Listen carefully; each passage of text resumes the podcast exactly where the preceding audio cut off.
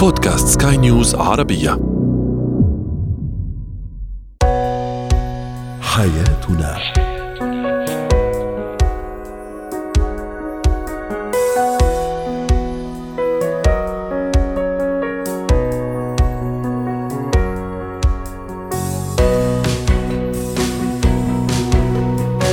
الكرام أهلا بكم معنا إلى حياتنا فضاؤكم اليومي الذي يعنى بشؤون الأسرة وباقي الشؤون الحياتية الأخرى والذي يمكنكم الاستماع إليه عبر منصات سكاي نيوز ارابيا dot com slash podcast وباقي منصات سكاي نيوز عربيه الأخرى. شاركونا عبر رقم الواتساب 00 971 561 88 6223 معي أنا ابتسام العكريمي.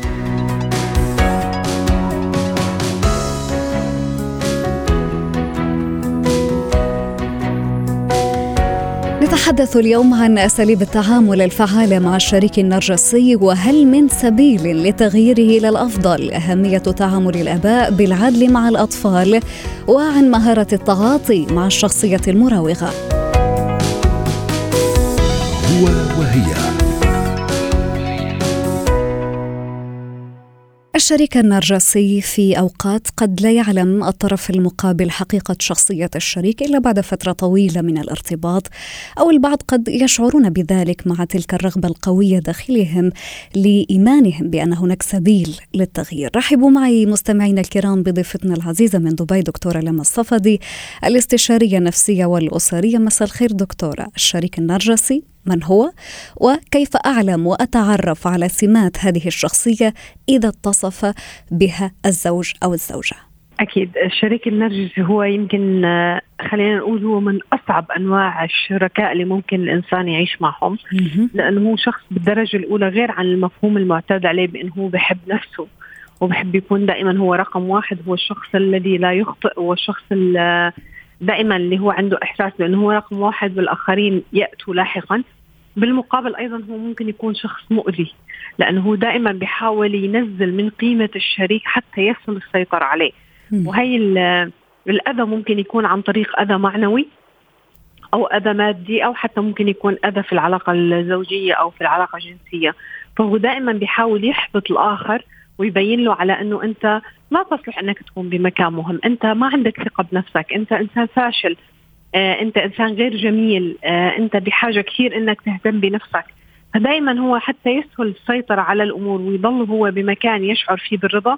بيتبع كل الأساليب وأكثر أسلوب مؤذي هو الأسلوب البارد اللي هو الأسلوب اللي ما في مواجهة مواجهة مستمرة ولكن هي بهذا الأسلوب قادر على إيصال رسائله اللي بنسميه يعني نحن بنسميه الموت البطيء اللي هو فعلا بيخلي في صفات بالآخر تبدأ تموت قليلا قليلا قليلا بعد عدة سنوات. فبنشوف الشريك بعد عدة سنوات ما عنده ثقة بنفسه مهزوم نفسيا مهزوم عاطفيا يشعر بعدم الرضا وبنفس الوقت هو دائما إحساسه بأنه أنا إذا ابتعدت عنه ستنتهي الحياة. يعني التقنية التي تستخدمها هذه الشخصية هي التقزيم من الطرف المقابل. صحيح. طيب هو سؤال دكتورة لما حنفتح منه إشكاليات كثيرة. هل الشريك النرجسي قادر على تغيير هذا الطبع؟ أو ببساطة هل من أمل في تغييره للأفضل دكتورة؟ صدمات الحياة قد تكون هي عامل مؤثر إيجابيا بتغيير لما هو بيتعرض لكثير صدمات وخذلان من الآخرين وممكن يظل الشريك هو الوحيد اللي موجود بدائرة حياته كسند أو دعم. ممكن هون نحسه بأنه هو في شيء بداخله انكسر فتغير. النقطة الثانية أحيانا إذا الشخص هو نفسه قرر التغيير وجرب هو يروح لعند طبيب نفسي جرب يدخل لأنه الشخصية النرجسية ممكن يكون هو عنده اضطراب شخصية حدية ممكن يكون هو ثنائي قطب. يعني ممكن يكون شخصيته النرجسية ولكن خلفها في اضطراب نفسي هو اللي عاطي سمات هي الشخصية. أو تمام. شخصيه سيكوباتيه فبالتالي يعني ممكن يكون هذا اضطراب نفسي لابد إنه ياخذ أدوية ويتعالج. ولكن مم. بالمجمل جدا صعب التغيير. يعني إحنا دائما لما أنا بتجيني حالات بتقول أنا شريكي نرجسي أو شريكتي نرجسية. ماذا تنصحين في هذه الحالات؟ التأقلم. إنه أنت تتمتع بالمرونة النفسية حتى تصد هي الهجمات العاطفية والنفسية والسلوكية. كيف؟ يعني أنت صرت عارف بأنه هذا الشريك بيهاجم في ثقتك بنفسك مشاعرك إنجازاتك شكلك عائلتك. فبالتالي إلى أي مدى أنت بتمتلك المرونة والأسلوب الصحيح إنك تتكيف مع هاي الحياة إذا أنت قررت الاستمرار. وفي مراحل نحن بننصح فيها بعدم الاستمرار لما بيكون الإنسان ما عنده مرونة نفسية وبكون واصل أحيانا في ناس تكون واصلة لمرحلة الكآبة الشديد. أحيانا في حالات للأسف أنا شفت حالات واصلة لمراحل اللي هي بتفكر تنهي حياتها لأن هي إنسانة فاشلة. طب شو سبب فشلك؟ الشريك الشريك هو اللي وصلها يعني هنا التأثير السلبي إلى إلى حد الوصول إلى هذه الحالة. طيب أنا مثلا حاولت أني أغير من هذا الشريك. حضرتك خبرتينا منذ قليل أنه مع الظروف في إمكانية أنه يتغير شوي أو شخصيته تلين من هذه النرجسية. طيب في حال شريك حياتي لم يتمكن من التخلي عن نرجسيته هذه ما الحل المناسب للشريكين هنا دكتورة؟ في حلين لا ثالث لهم. إما إنهاء هي العلاقة لأنه هي علاقة مؤذية والإنسان بصير يفكر بخياراته بالحياة. بأنه هي العلاقه إلى أي مدى هي أذتني وإلى أي مدى مستفيد منها. فإذا كان الأذى بنسبة 80% فإنهاء العلاقة هو الأفضل لأنه 20% هي عبارة عن فقط تمسك الإنسان بالحياة ليستمر. النقطه الثانية لو هي ما كانت لهالدرجة مؤذية والإنسان كان عنده مرونة نفسية فأنا بالتكيف، كيف يعني؟ يعني الإنسان العادي هو إنسان قابل للنقاش والحوار نوصل لنتيجة ونغير أنفسنا أنا أتغير أو هو أنا أعتذر أو لا. الشخص النرجسي هو شخص لا يصلح معه الحوار ولا يصلح معه فكرة بأنه أنا أنتظر منك اعتذار. فبالتالي أنا لازم يكون عندي مرونه مرونة النفسيه اللي هي عبارة عن ك... إلى أي مدى فيني أتأقلم مع هاي العلاقة؟ بأنه كلامه المؤذي أو السام ما يأثر فيني ويخترقني. يعني أنا عندي ثقتي بنفسي أنا إنسانة ناجحة أنا شخص عندي آه، علاقاتي الاجتماعيه أنا يعني راضية على شكل آه، شكل الخارجي لما يكون عندي هاي الأفكار بإيجابية أنا قادرة إني أستمر بالعلاقة معه. لأني بيكون عندي هذا الأمان النفسي نوعا ما فبالتالي هو لن يستطيع التأثير بهذا الجانب. وهو دكتورة لما يعني هذا الشريك النرجسي ما الأسباب التي جعلته يتصف ويتسم بهذه النرجسية؟ هل مثلا نعود إلى فترة الطفولة؟ هل نعود إلى محيطه؟ هل نعود إلى انه العلاقة من الأول يعني نشأت بطريقة خاطئة؟ ربما هناك إقصاء أو شبه إقصاء لآراء الطرف المقابل. يعني اشرحي لنا ما هي الأسباب التي تؤدي بشريك حياتي إنه يكون شخص نرجسي. في عدة أسباب. اولا تربية. يعني هو لما يكون تربى في بيئة الأمهات مثلا أنا للأسف أحيانا من اللي بسمعها الواقع. الأم دائما بتقول له مثلا إحدى الأمهات يعني كانت هي السبب بوصول ابنها كانت تقول له دائما لازم أنت تأكل حتى تشبع ثم تفكر باللي حواليك إذا هم جوعانين. لازم أنت ترتوي إذا كنت عطشان وبعدين أنت تفكر باللي حواليك إذا هم يشعروا بالعطش وعممها على حياتك. هذا الإنسان شو متوقع يكون بالمستقبل؟ شخص نرجسي أناني إذا هو تربى على هذه الفكرة. فبالتالي بالمستقبل هو دائما غرائزه أولوياته ومشاعره ونجاحه وتفوقه رقم واحد وثم يأتي الآخرين مثل ما هو تربى. النقطة الثانية اللي هي سببها اضطرابات نفسية يعني هو ليس لا يمتلك فعلا الإرادة على تصرفاته اللي هي مثل ما حكينا ممكن يكون في عندنا اضطرابات نفسية ممكن يكون بداية ثنائي قطب ممكن آه، شخصية مضطربة فبالتالي هون لازم الشخص هون نفسه يروح لعند طبيب وياخذ أدوية أو الشريك دائما بأي طريقة من الطرق يوصل الفكرة إنه هو يبتدي بالعلاج وبعدها بنشوف تغيرات إيجابية. السبب الثالث أيضا وجود شريك ضعيف لأنه الشخص النرجسي حتى لما بيختار شريك لا يذهب إلى شخص مميز ناجح لديه قوي. النفس يقوم باختيار وكأنه صيد يعني. حتى يمارس النرجسيه عليه. صحيح. صحيح. فأحيانا الشريك هو له دور. إمتى نحن بنلاحظ تتصاعد المشاكل؟ لأنه حتى الضعيف ياتي عدة سنوات بعدها يشعر بالقوة. يعني هو انكسر وبكى وانهزم وخذلان ولكن بعد عدة سنوات بوجود أطفال بنشوف مرة واحدة بأنه هو صار شخص قوي أو صارت قوية. فبصير الصدامات أكثر وأكثر وأكثر. طيب يعني هذه الصورة القاتمة لهذا الشريك أنا إذا كان الطرف المقابل شخصية بعكس شخصية الشريك النرجسي يعني قلبه كبير صبور متسامح هل هذا قد يساعد هذا الشريك على أنه يتطبع بطباعه أم أن الأمر صعب دكتورة؟ كمان من الحالات الواقعية أنا عم بشوف خيارين يا أما هو فعلا مثل ما تفضلتي يتطبع ويعني دائما نقول المحبة والإحسان هو غالب للشر وللسوء وبالعكس هو ممكن يكون لما يكون عنده شريك متفهم حنون فبالتالي هو هي الحنان مع الوقت يعوض عن الأثر السلبي للتربية. وهذا الحنان مع الوقت يجعله هو يتطبع بهي الطباع نوعا ما. أو الجهة الثانية لما يكون الشخص أيضا حنون ومتفهم ومسامح هذا بيخليه هو يسيطر أكثر وأكثر وأكثر. يعني يعني ما عرفنا الحل دكتوره لما آه الصفة الشخص النرجسي فيه صفة بانه هو ذكي كفاية حتى يدرك مفاتيح الآخر. يعني هو يعني الشريك يدرك مثلا أنه شريكي طيب القلب وحنون ولكن مثلا عنده قلة ثقة بنفسه عنده قلة ثقة بشكله فيدخل من هذا الباب. يعني الثغرات الحل تماما. الحل ليس فقط شريك حنون الحل شريك ذكي. لأنه لما يكون الشخص النرجسي هو مرتبط بشخص ذكي قادر على استيعاب تغيرات مزاجيته والأنا والسيطرة وتسخيرها بطريقة أنه تكون العلاقة ناجحة هون ممكن تستمر هي العلاقة وتثمر يعني م. ليس المهم أن يكون فقط حنون ومستوعب لا المفروض أن يكون الشريك ذكي وهو دارس هاي الشخصية وعنده كل الهاي ولكن أنا متمسك فيه جميل جدا يعني متمسك فيها أو متمسك فيها أه.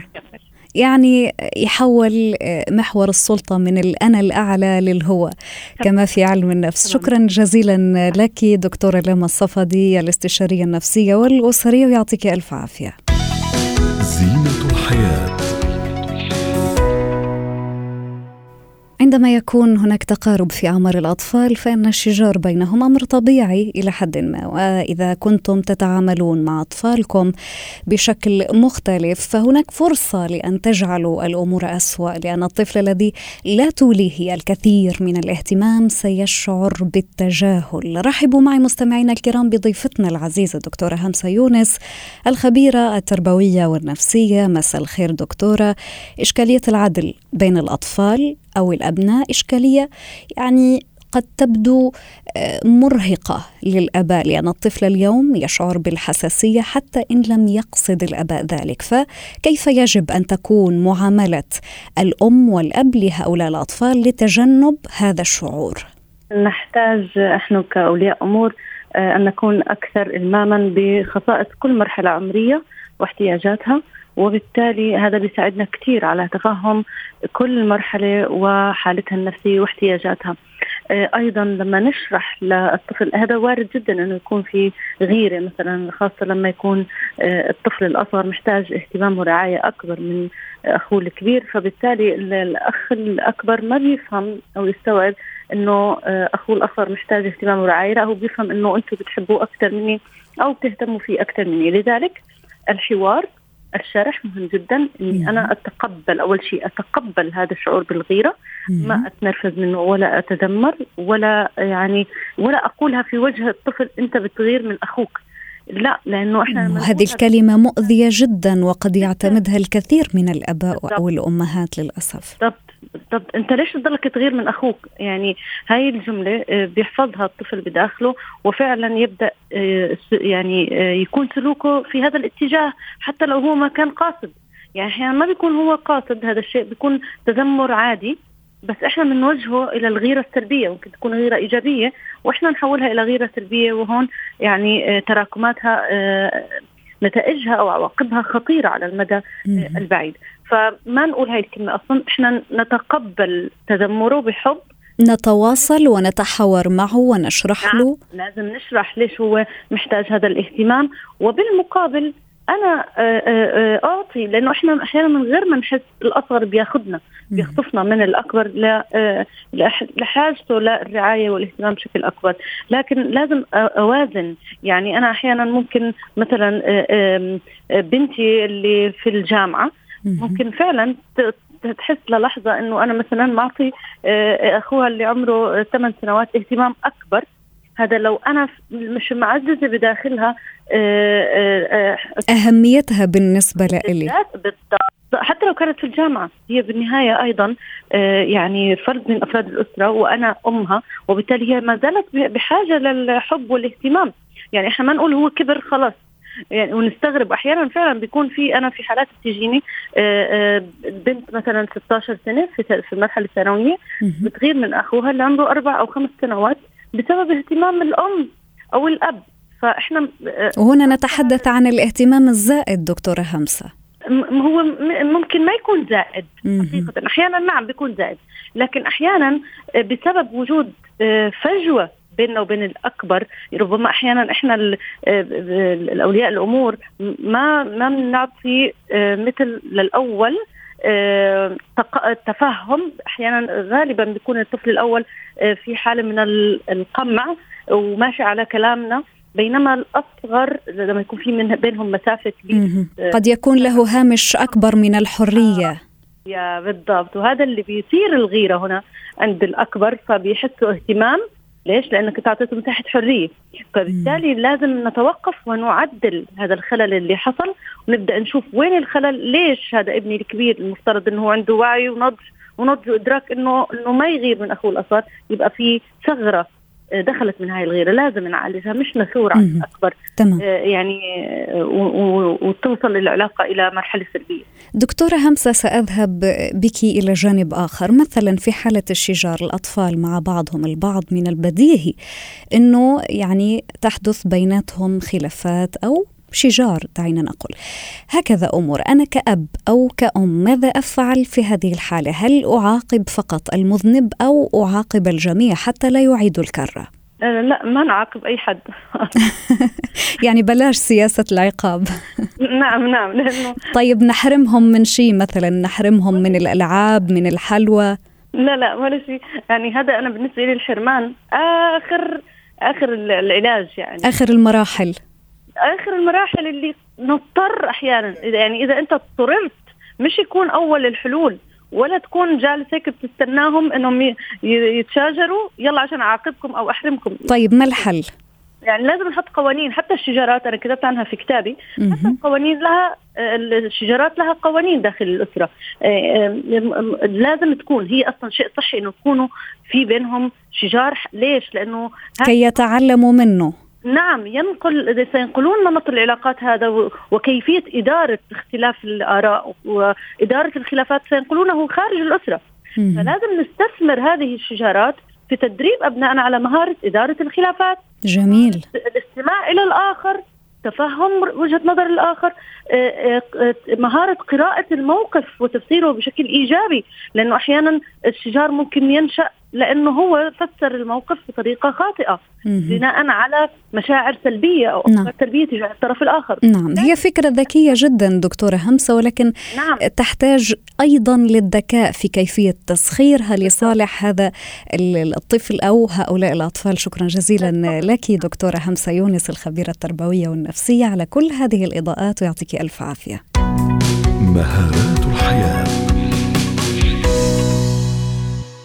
في المحيط اليومي قد يحدث ونصادف الكثير من الشخصيات التي قد تبدو صعبة في التعامل أو قد يحتاج التعامل معها لحكمة والصبر والكثير من الذكاء. طرحنا سؤالنا التفاعلي. هل سبق لك أن تعاملت مع الشخصيات المراوغة وكيف؟ ورحبوا معي مستمعينا الكرام بضيفتنا العزيزة أستاذة لنا قاعاتي مدربة مهارات الحياة. سعد أوقاتك أستاذة لنا إذا هذا هو سؤالنا التفاعلي وتعليقات كثيرة وردتنا على منصات سكاي نيوز عربية. تعليق يقول في كل يوم ممكن تصادف شخص مراوغ تعليق آخر يقول محتاجين أنه أنتم تخبرونا كيف نتعامل معها. أكيد طبعا وهذا دورنا. أهلا وسهلا بك يا أستاذة لانا. خلينا نجاوب على التعليقات. من هي الشخصية المراوغة؟ وكيف أعرف سماتها؟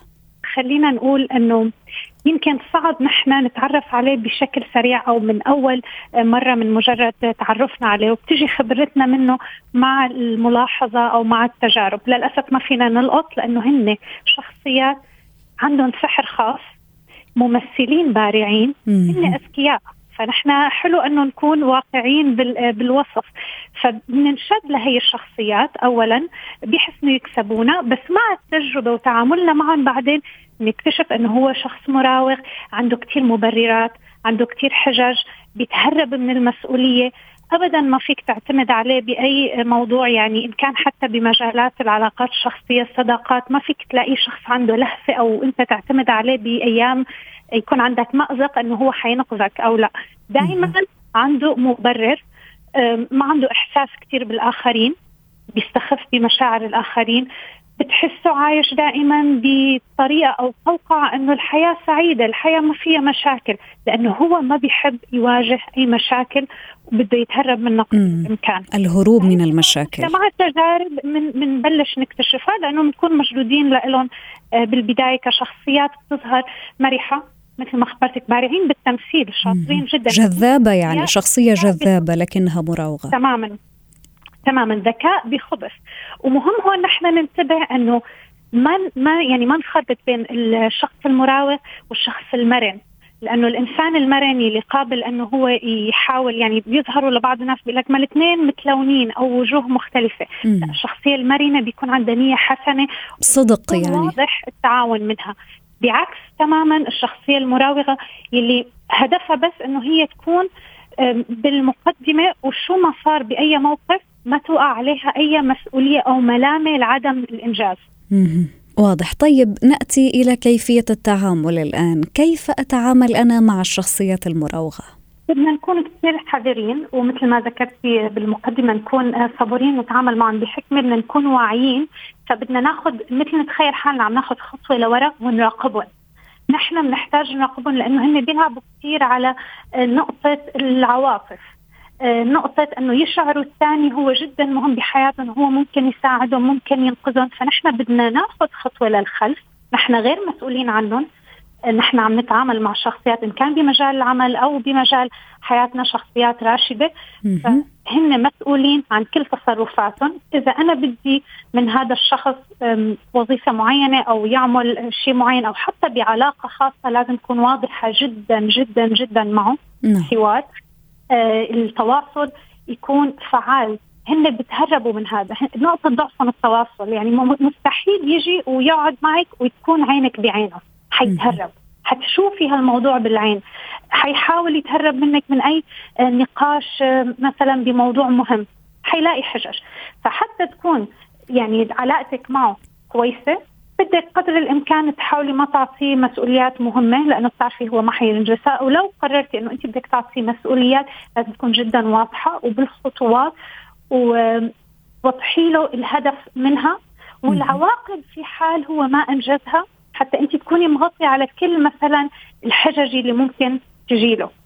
نعم. يعني خبرتك تكون عندك فكرة عن هي الحجج بدك تكوني كلياتها حاططيها حتى بالعلاقات شو هدفك من العلاقة؟ شو اللي أنت متوقعتيه؟ طريقة التعامل من هذا الشخص معك كيف بتحبي تكون؟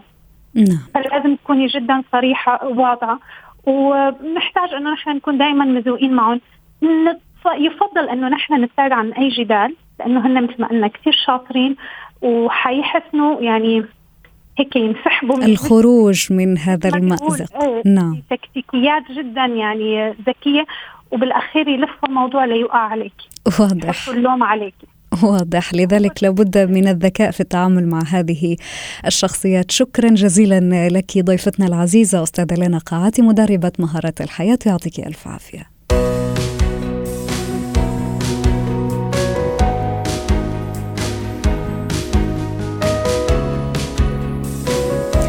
ختام حلقة اليوم من برنامج حياتنا. شكرا لكم لطيب الإصغاء.